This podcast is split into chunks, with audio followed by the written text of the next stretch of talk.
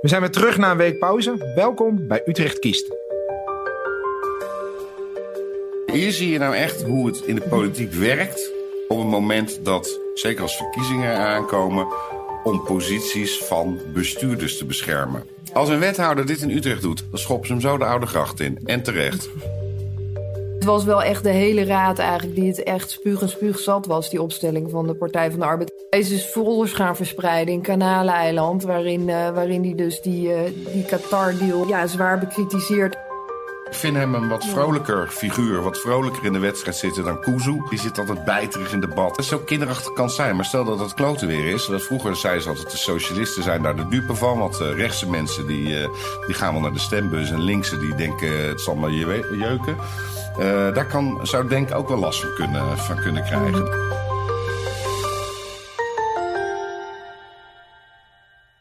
Na een weekje pauze is iedereen weer helemaal scherp. Iedereen is weer helemaal fit. En er valt natuurlijk ook een hoop te bespreken.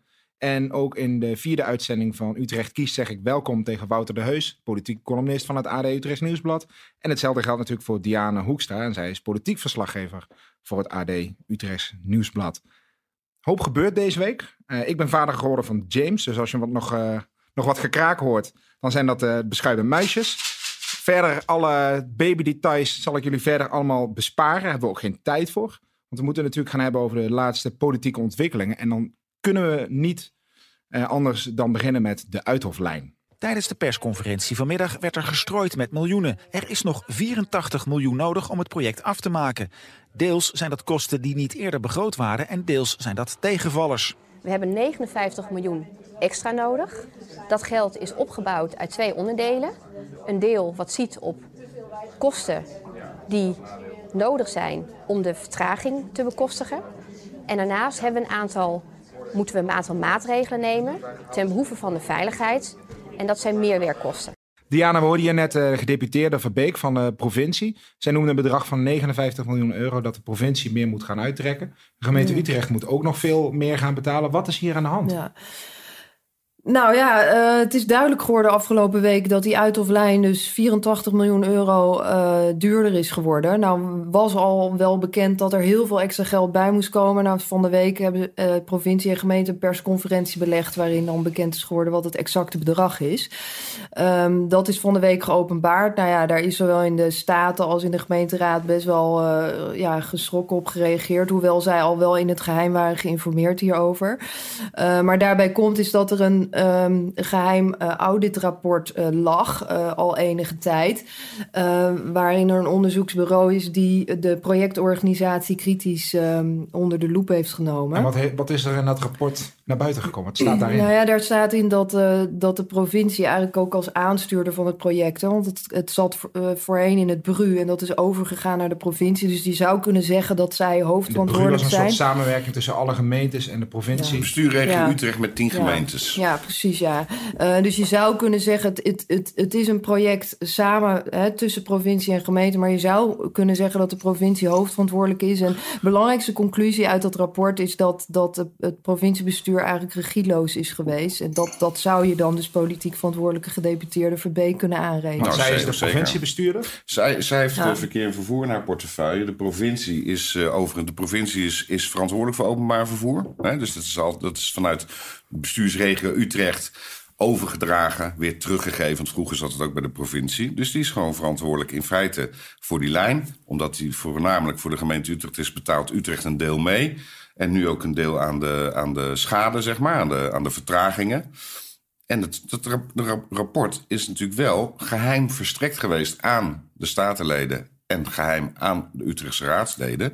Maar die moesten nu bepalen of dat openbaar. Uh, die moesten de geheimhouding bekrachtigen, zoals dat heet. Ja, want er waren een aantal partijen, aantal partijen die dat niet wilden, dat dat openbaar zou worden. En een aantal partijen die wilden. Die zeiden: dit moet openbaar. Hier, zie je, ja. hier zie je nou echt hoe het in de politiek werkt. Op het moment dat, zeker als verkiezingen aankomen, om posities van bestuurders te beschermen. Ik vind het een hele slechte zaak, maar mevrouw Verbeek van de VVD, gedeputeerde. Provinciebestuurder verantwoordelijk. Provinciebestuurder heeft haar werk gewoon niet goed gedaan.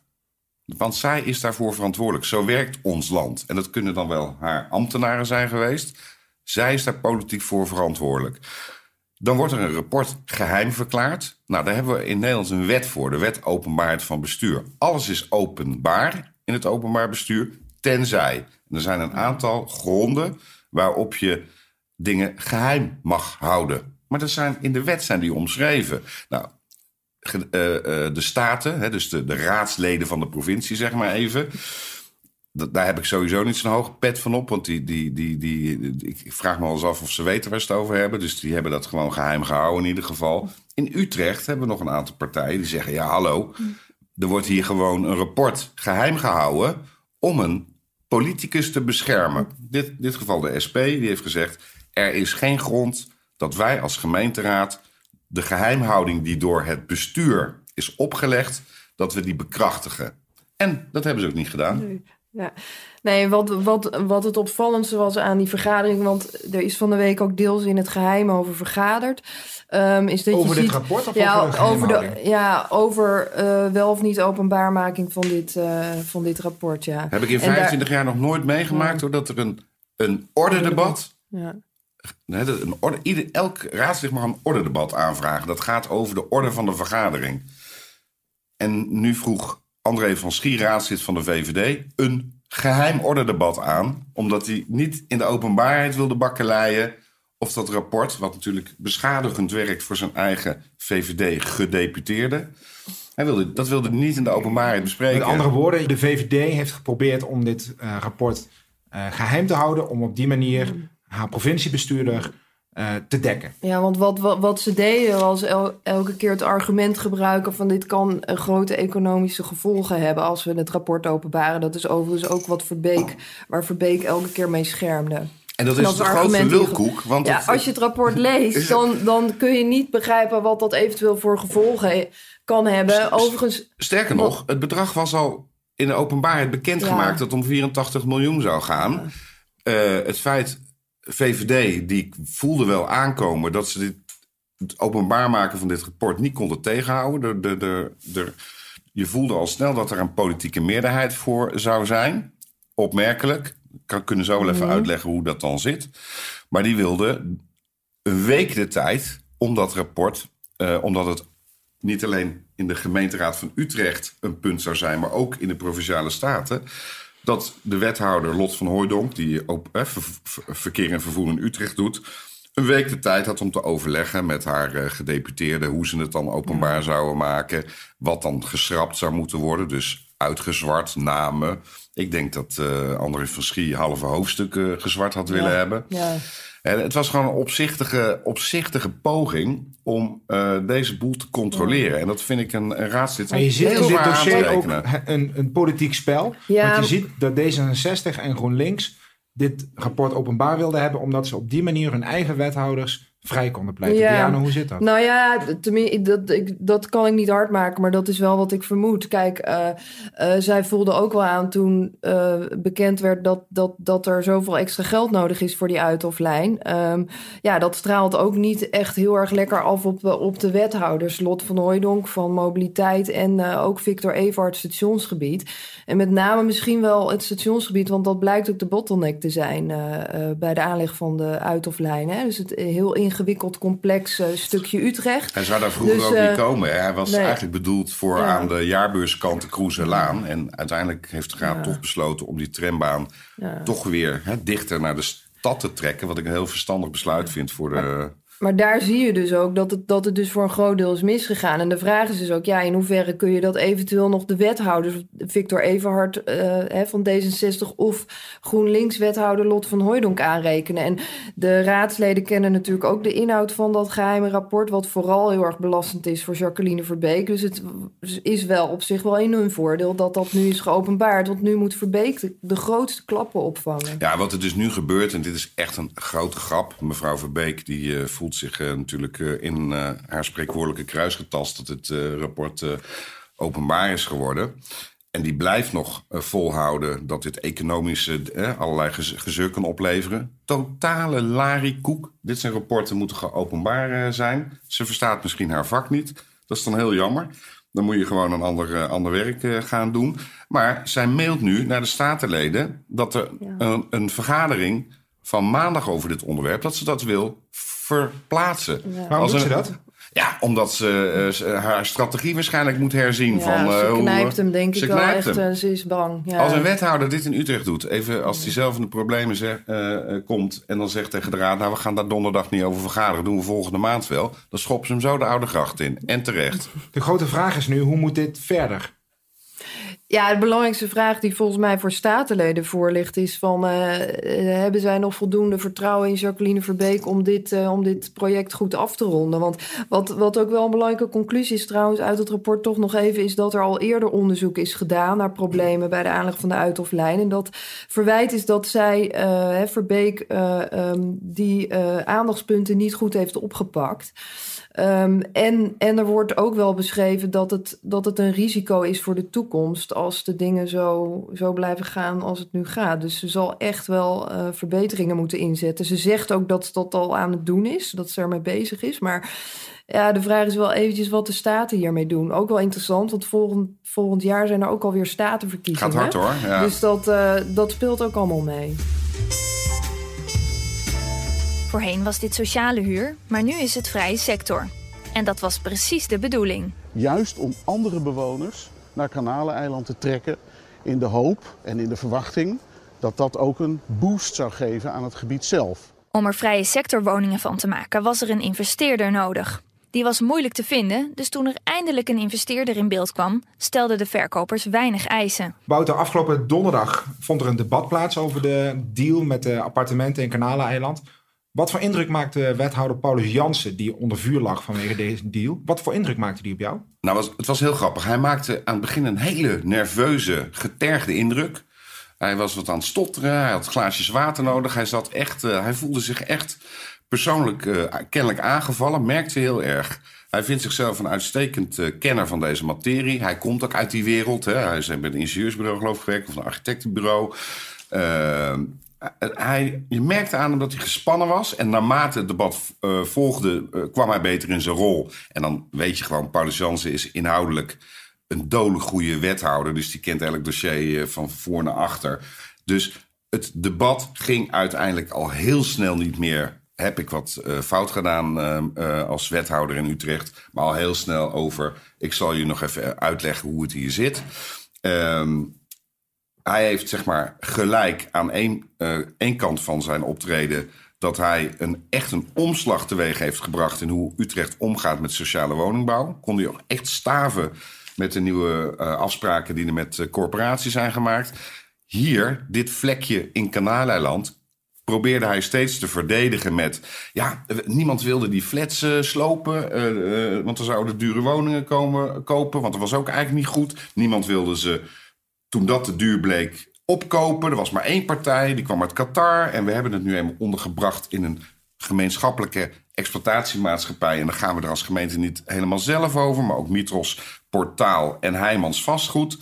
Ehm, dus we konden eigenlijk niet anders. En eh, uiteindelijk is een doel wel bereikt. Namelijk, er zijn ook wat eh, kansrijkere mensen in Kanaal voor teruggekomen. Dat doet niet, niets af aan het verhaal dat de hele raad deze deal eigenlijk er ontzettend van bouwde. Hè, Diana, inhoudelijk? Ja, Diana, Ja. eh, de PvdA heeft er hier een heel groot punt van gemaakt. Die heeft woedend gereageerd tegenover wethouder Jansen. En dat zorgde er weer voor dat eigenlijk de hele raad zei tegen de PvdA... hé, hey, maar hallo, wacht eens, dit is jullie schuld. Ja, ja, je zag het, de PvdA die ging er echt met gestrekt been in vanaf het begin af aan. Eh, GroenLinks ook wel, maar die... en Ook voor het trouwens, debat, hè? Trouwens Ja. D66 ook, maar die draaide uiteindelijk wel een beetje bij. Waar zat Eh, die woede in naar de PvdA? Nou ja, eh, die heeft te maken met het feit dat zij natuurlijk in vorige colleges verschillende wethouders hebben gehad. En dit beleid, eh, met name ook van eh, de differentiatie, zeg maar, eh, verschillende doelgroepen aantrekken in Kanaleneiland. En dus ook eh, andere woningen bouwen dan alleen sociale woningen. Nou, die kwamen Eh, met zware sloopplannen vanaf Ja. 2000 onder Ja. Van Kleef en later Bos en eh, Isabella. Dus eigenlijk werd dus- het de PvdA verweten om nu een soort symboolpolitiek te bedrijven... Eh, terwijl ze eigenlijk zelf mede verantwoordelijk zijn voor Ja, dit ja, soort ja. deals. ze lagen echt wel zwaar onder vuur hoor. Paulus Jansen die haalde echt op het laatste moment eh, van zijn beantwoording heel hard uit. naar Keihard de, uit. naar de PvdA. Maar het was wel echt de hele raad eigenlijk die het echt spuug en spuug zat was, die opstelling van de Partij van de Arbeid. En je merkte ook dat er best wel lacherig werd gedaan toen bijvoorbeeld Bulent Isik het woord voerde. Dat raadslid En van de daar- Partij van de ja, Arbeid. Precies, en Ruben Post, de fractievoorzitter van de Partij van de Arbeid, die eh, nam op een gegeven moment het woord en die, ja, die, die sprak daar dan weer schande van dat er lacherig werd gedaan. En, eh, en die was echt heel kwaad Die was boos. Ja, Ongelooflijk. was Zelden zo boos gezien. Ja, die was echt, eh, dat, dat is die niet gauw inderdaad. Maar En- omdat hij vond dat zijn partij...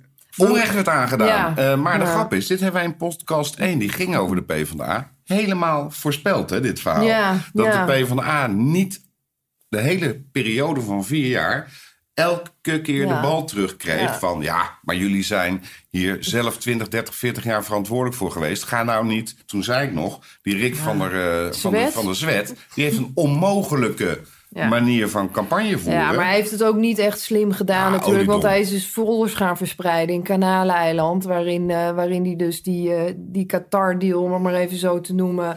ehm, eh, ja, zwaar bekritiseerd. En dat ook, ook eigenlijk eh, de schuld neerligt bij de wethouder, Paulus Jansen. En dat is natuurlijk wel de vraag in hoeverre hem dit nou echt Nou, is nee, aan te rekenen. Maar het is nog hij, erger Hij heeft het ook zeg maar, verspreid op plekken waar, eh, ja, waar, die, waar, die, waar die flats niet staan. Dus, Dat is eh, niet zo waar die, dus eh, nee, dat, daar werd wel een paar keer echt eh, een opmerking over gemaakt. Waar het En er- gewoon om gaat is dat Van der Zwet die wil, wil wegdraaien bij de verantwoordelijkheid die de PvdA al twintig jaar gehad heeft. Dat zegt Ja. hij overal op Twitter. Ja. Hou nou eens op met ons eh, dat aan te wrijven. Ja. Ja. daar is niet mee op te houden, want het zijn gewoon de feiten. Jansen, wat hij echt verkeerd deed, was het heel persoonlijk maken. Hij, ze dacht, hij dacht dat hij werd aangevallen. Eh, ik vind het een hele slechte zaak... waar uitstekende artikelen van mijn collega Kees Grimbergen... die inhoudelijk allemaal kloppen. Hij kon het anders uitleggen. Prima, daar heeft hij vast gelijk in. Maar daar zijn geen documenten voor die die feiten staven. En daar moet Paulus eh, Jansen eh, ontzettend voor oppassen. Maak het niet zo persoonlijk. Je bent een uitstekend wethouder die nu het beleid echt radicaal heeft omgedraaid. Hartstikke goed. Maar ehm, eh, niet zo op je pik getrapt voelen als iemand een keer zegt... hey Paulus, heb je dat wel goed gedaan? Want nogmaals, de hele raad vond die Qatar-deal helemaal niks. Luister jij deze podcast nou via ad.nl, maar wil je hem eigenlijk ook gewoon in je mobiele telefoon hebben? Nou, dat is heel makkelijk. Als je een iPhone hebt, zoek even de podcast-app en zoek op Utrecht Kiest. En abonneer je direct, want dan komt de volgende podcast gewoon automatisch in je app. En kun je altijd luisteren waar en wanneer je maar wil. Mocht je een Android-telefoon hebben, download dan even de app Stitcher. Dat is namelijk de beste app voor een Android-telefoon. En zoek ook dan even op hashtag Utrecht Kiest, want dan loopt de volgende uitzending gewoon in je telefoon.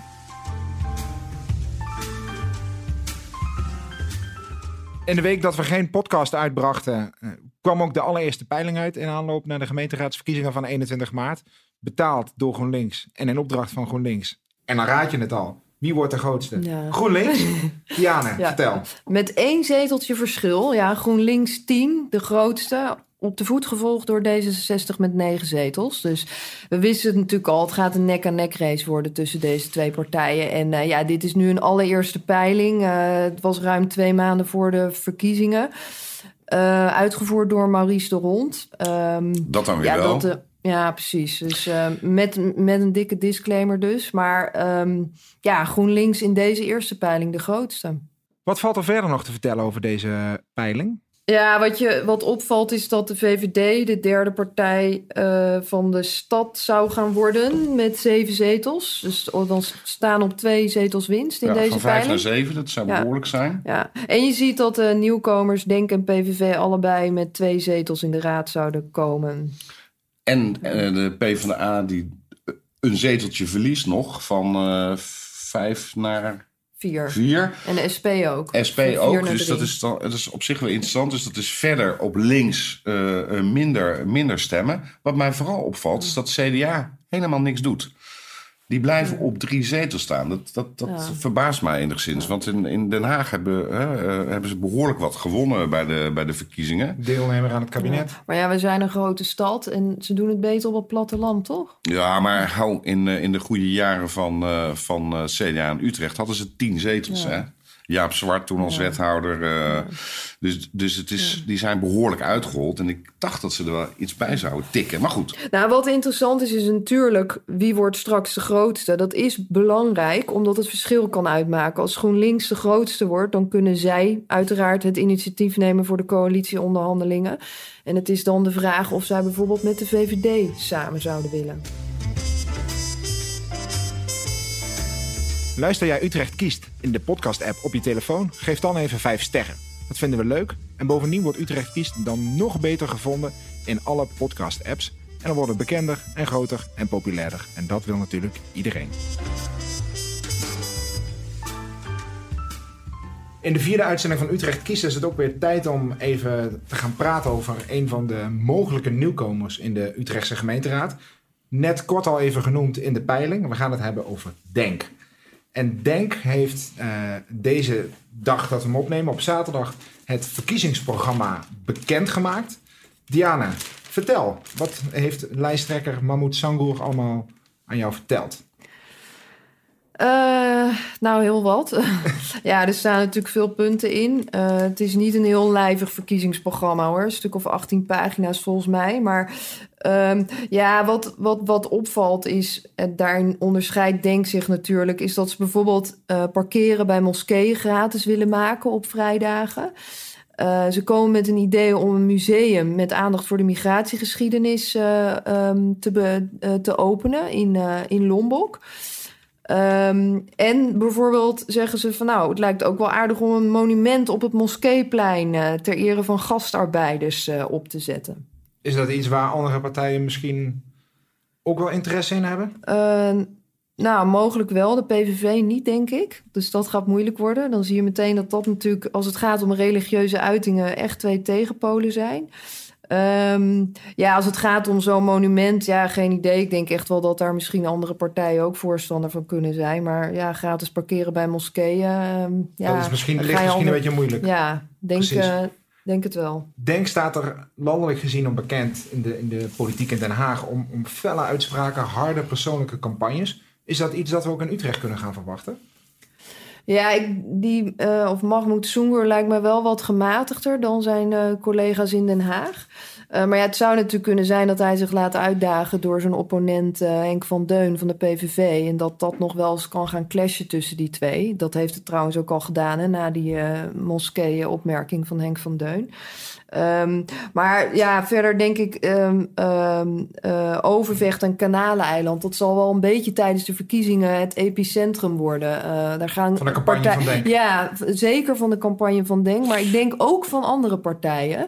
Dat, het is echt een beetje het epicentrum eh, waar, waar volop zieltjes, partijen zieltjes willen winnen. Het Ja. zijn ook grote wijken, is belangrijk, ook voor de PVV.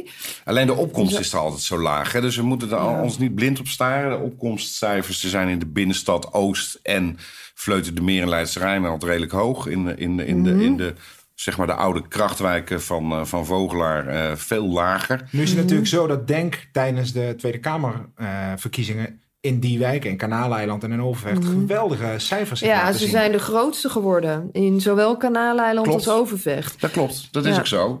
Eh, daar, daar gaan ze ook echt heel veel stemmen ophalen. Alleen het, zij moeten echt die mensen persoonlijk bewegen om ook naar die stembus te gaan. Hè? Als dat niet lukt.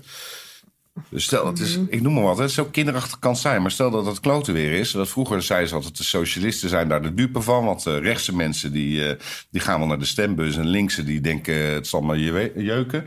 Eh, daar kan, zou Denk ook wel last van kunnen, van kunnen krijgen. Dus eh, het, het, het, Ja. komt Dus het ligt allemaal aan. hoe goed zij de campagne voeren om hun achterban te motiveren naar de stembus te gaan. Ja, want het is, dat is toch een achterban die nou, misschien nu één keer eh, gewend is om te gaan stemmen. eh, vanwege de, de landelijke vi- verkiezing al. Ik vind hem een wat vrolijker figuur. Wat vrolijker in de wedstrijd zitten dan Kuzu. Ja, Eh, dus de die de- de landelijke, de landelijk leider die zit altijd bijterig in debat. En die heeft altijd het idee dat, dat hem onrecht wordt aangedaan. En dat de media eh, tegen hem is. Kijk, dat soort onzin moet in Utrecht niet hebben. Dus hij, hij zit wat, wat relaxter in de wedstrijd. Ik denk dat, dat hem dat best... Uh, het is een jonge, jonge knul, ook 31 jaar hè? hij woont in Kanaaleiland. Ik dacht dat hij uit Zuilen kwam. Ja, daar heeft hij lang gewoond. Ik denk dat hij daar dus... Kijk, Zuilen is ook een wijk uh, waar campagne gevoerd gaat, gaat worden. Ik denk zelfs nog dat een wijk als mm Zuilen misschien nog het meest typisch is voor, voor Utrecht uh, van dit moment. Er komt alles bij elkaar. Ook juppen, uh, ook studenten, mm -hmm. ook hè, mensen met een andere etnische achtergrond. Ik vind, ja, dat is interessant om zo'n wijk eens even goed in de, in de gaten te houden hoe het daar gaat lopen. Daar eigenlijk elke partij kan daar een punt scoren. Ja, want je kan zeggen, de VVD heeft op Kanaanland niks te zoeken. maar in, in Zuilen. Uh, ja, dus ik komt het allemaal lekker samen. Komt alles bij elkaar. Dus ik vind dat een, uh, iets om heel goed in de gaten te houden. Als Denk, Denk gaat natuurlijk wel campagne voeren en ook gericht. Ze zullen dat waarschijnlijk ook gaan doen tegen de Partij van de Arbeid. Ja, absoluut. absoluut. Maar dat hebben we in podcast 1 al heel duidelijk neergezet. Ja. P van de A heeft echt een hele lastige uh, tijd. En dat vind ik, hè, je kan zeggen, de partij heeft heel veel goede dingen gedaan. Utrecht altijd in stadsbestuur gezeten. Zitten gewoon nu in, niet alleen in de hoek waar de klappen vallen. Dus als het inhoudelijk gaat, de hele tijd die bal die terugkomt van al, al die jaren in het stadsbestuur. Maar ook de maatschappij of de samenleving of de, hoe, de, hoe, de, hoe de, uh, de maatschappij in elkaar zit. Is, lijkt het wel geen ruimte meer voor de P van de A. Nee. Je zag ook bij de laatste Tweede Kamerverkiezingen, dus vorig jaar, dat in Overvecht, ik heb even de cijfers erbij gepakt, daar haalde uh, Denk 17,1% van de stemmen. Dat is heel fors. Ja, en dat was dus vier jaar geleden uh, nog uh, de plek waar um, de PvdA veruit de grootste was. Dus dat was, dat was al heel pijnlijk. Ja, dus ik zie gewoon geen thema waar de PvdA... Ik vind het echt bijna een sneu voor de PvdA. Ja, maar ja. je ziet het van, van, de, van, van, de, van de Zwet heeft heel hard ingezet op woningbouw Kanaaland. Dat is als een boemerang teruggekomen. Had ik, hadden we hem al voorspeld. Dat ja. hij daar niks te zoeken heeft in dat thema. Nee. Uh, nou, Spekman, de Uber uh, P van de A... die net zijn trui aan het Centraal Museum heeft gegeven. Geweldig vind ik dat. Uh, die onder zijn... echt socialistische leiding is de PvdA natuurlijk verworden tot een heel klein spelertje. Ja, dus ik zie geen onderwerp waar de PvdA hard op gaat. Misschien op, op uh, armoedebestrijding ja, en dat armoedebeleid wel. Ja. Armoedebeleid. Is Denk een partij die misschien wel in het college terecht zou kunnen komen? Nou, no dat way. denk ik niet. Nee, nee, nee. Um, nee, het is, het is in ieder geval niet een partij die andere partijen uitsluiten. Dat is met de PVV natuurlijk wel het geval. Uh, het CDA en VVD hebben vorige week ook gezegd... daar gaan wij niet mee samen. Um, maar ja, daar. Uh, ja, dus, dus, ik, ik denk niet dat ze voldoende zetels gaan halen om, uh, ja, om echt uh, in een college te Maar zou het een partij zijn die met andere partijen in Utrecht goed zou kunnen samenwerken? Met D66, met GroenLinks? Ja, dat denk ik wel. Op deelonderwerpen zeker wel. Ja, ja dat, dat hangt nogmaals heel erg af ook van de persoon. Hè. politiek is toch persoonlijk. Is de lijsttrekker van Denk, is het een wat relaxtere gozer, gaat het veel makkelijker als hij het op de inhoud ja. houdt zo'n mannetje als Kuzu, uh, sorry dat ik hem even hè, zeg als een mannetje, maar dat vind ik gewoon een vervelende kwast. Mm -hmm. uh, um, daar, gaat, daar gaat het sowieso niet mee lukken om mee samen te werken, denk ik, vanwege zijn houding. En in Utrecht hebben we gewoon twee grote blokken op dit moment nog. Gaat ook na de verkiezingen, wie er dan de grootste wordt, D60 of uh, GroenLinks, dat, hè, dat zal, zullen we dan wel zien. Maar die gaan er nooit een denk bij halen. Die gaan er, die gaan er geen PVV nee. bij halen. Dat hoeven ze ook niet. Ze kunnen nee. kiezen. Willen we hem iets in de rechtere sfeer hebben, dan halen we de VVD er weer bij. Willen we het wat socialistischer, wat, wat linkser, dan gaan we kijken wat er op die flank te halen is. Maar stel je nou eens voor ja. dat Denk meer zetels haalt dan de SP. Wat natuurlijk ja. niet onrealistisch is. Nee, dat, dat, heb, ja, dat, dat, dat zou zomaar kunnen gebeuren. Uh, ja. Dat zou zomaar kunnen gebeuren. Al uh, denk ik dat. Al denk ik dat denk. Nee, ik denk dat de SP ja. drie zetels sowieso uh, gaat oprapen. En dat zou er misschien vier kunnen zijn. En dan ligt het in de lijn der dingen dat de coalitie die we al gehad hebben, dat die gewoon voor een tweede periode verder gaat. Hè. Weten ze wat ze aan elkaar hebben? Die nieren die zijn al vier jaar goed geproefd. Niemand gaat een risico lopen, zeker niet in een grote stad als Utrecht, om dan een nieuweling erbij te halen. Ook als die niet nodig is. Uh, daar ontkomen er natuurlijk niet aan om uh, ook voor Denk een zetelvoorspelling te gaan doen. En aan het eind gaan we dat allemaal naast elkaar zetten. En dan gaan we zien wie nou ja, misschien wel het meeste politieke verstand heeft. Of het beste vingerspitsengevoel heeft. Wouter, hoeveel zetels gaat Denk halen? Uh, ze, gaan er in de, ze gaan er twee halen op de uitslag. En ze krijgen misschien nog wel een restzeteltje. Dat, dat, dat drie. Ik, nee, drie. ik zeg drie. Ja, dat denk ik ook. Ja. Potverdorie. We zijn het veel te veel ja, eens met elkaar. Voor, ja. Maar ja, het, dit wordt echt wel een partij die, die wat gaat, gaat doen in Utrecht. Uh, en ik ben heel benieuwd hoe dat ja. gaat lopen. Ja, ze hadden bij de Tweede Kamerverkiezingen echt heel veel mensen op de been in Utrecht. En ik vermoed dat uh, dat, dat nu alleen maar meer wordt. Oké. Okay. Dank voor uh, weer jullie aandacht voor het luisteren naar Utrecht Kiest. De politieke podcast van het AD Utrechts Nieuwsblad. We zijn er uh, over een tijdje natuurlijk weer. We zijn heel erg benieuwd naar jullie reacties. Hebben jullie ook vragen? Nou, dat kan natuurlijk. Uh, via de hashtag Utrecht Kiest. Kan op Twitter, kan op Facebook. Maar je kan ook onszelf aanspreken. Dat kan bijvoorbeeld op Heuswaar. Dan ga je iets tegen Wouter zeggen. Of Diana Hoekstra. Dan zeg je iets tegen Diana. Of tegen mij, Jelle Tiedeman. En Jelle is dan met een Griekse ei. Voor nu bedankt en tot de volgende keer.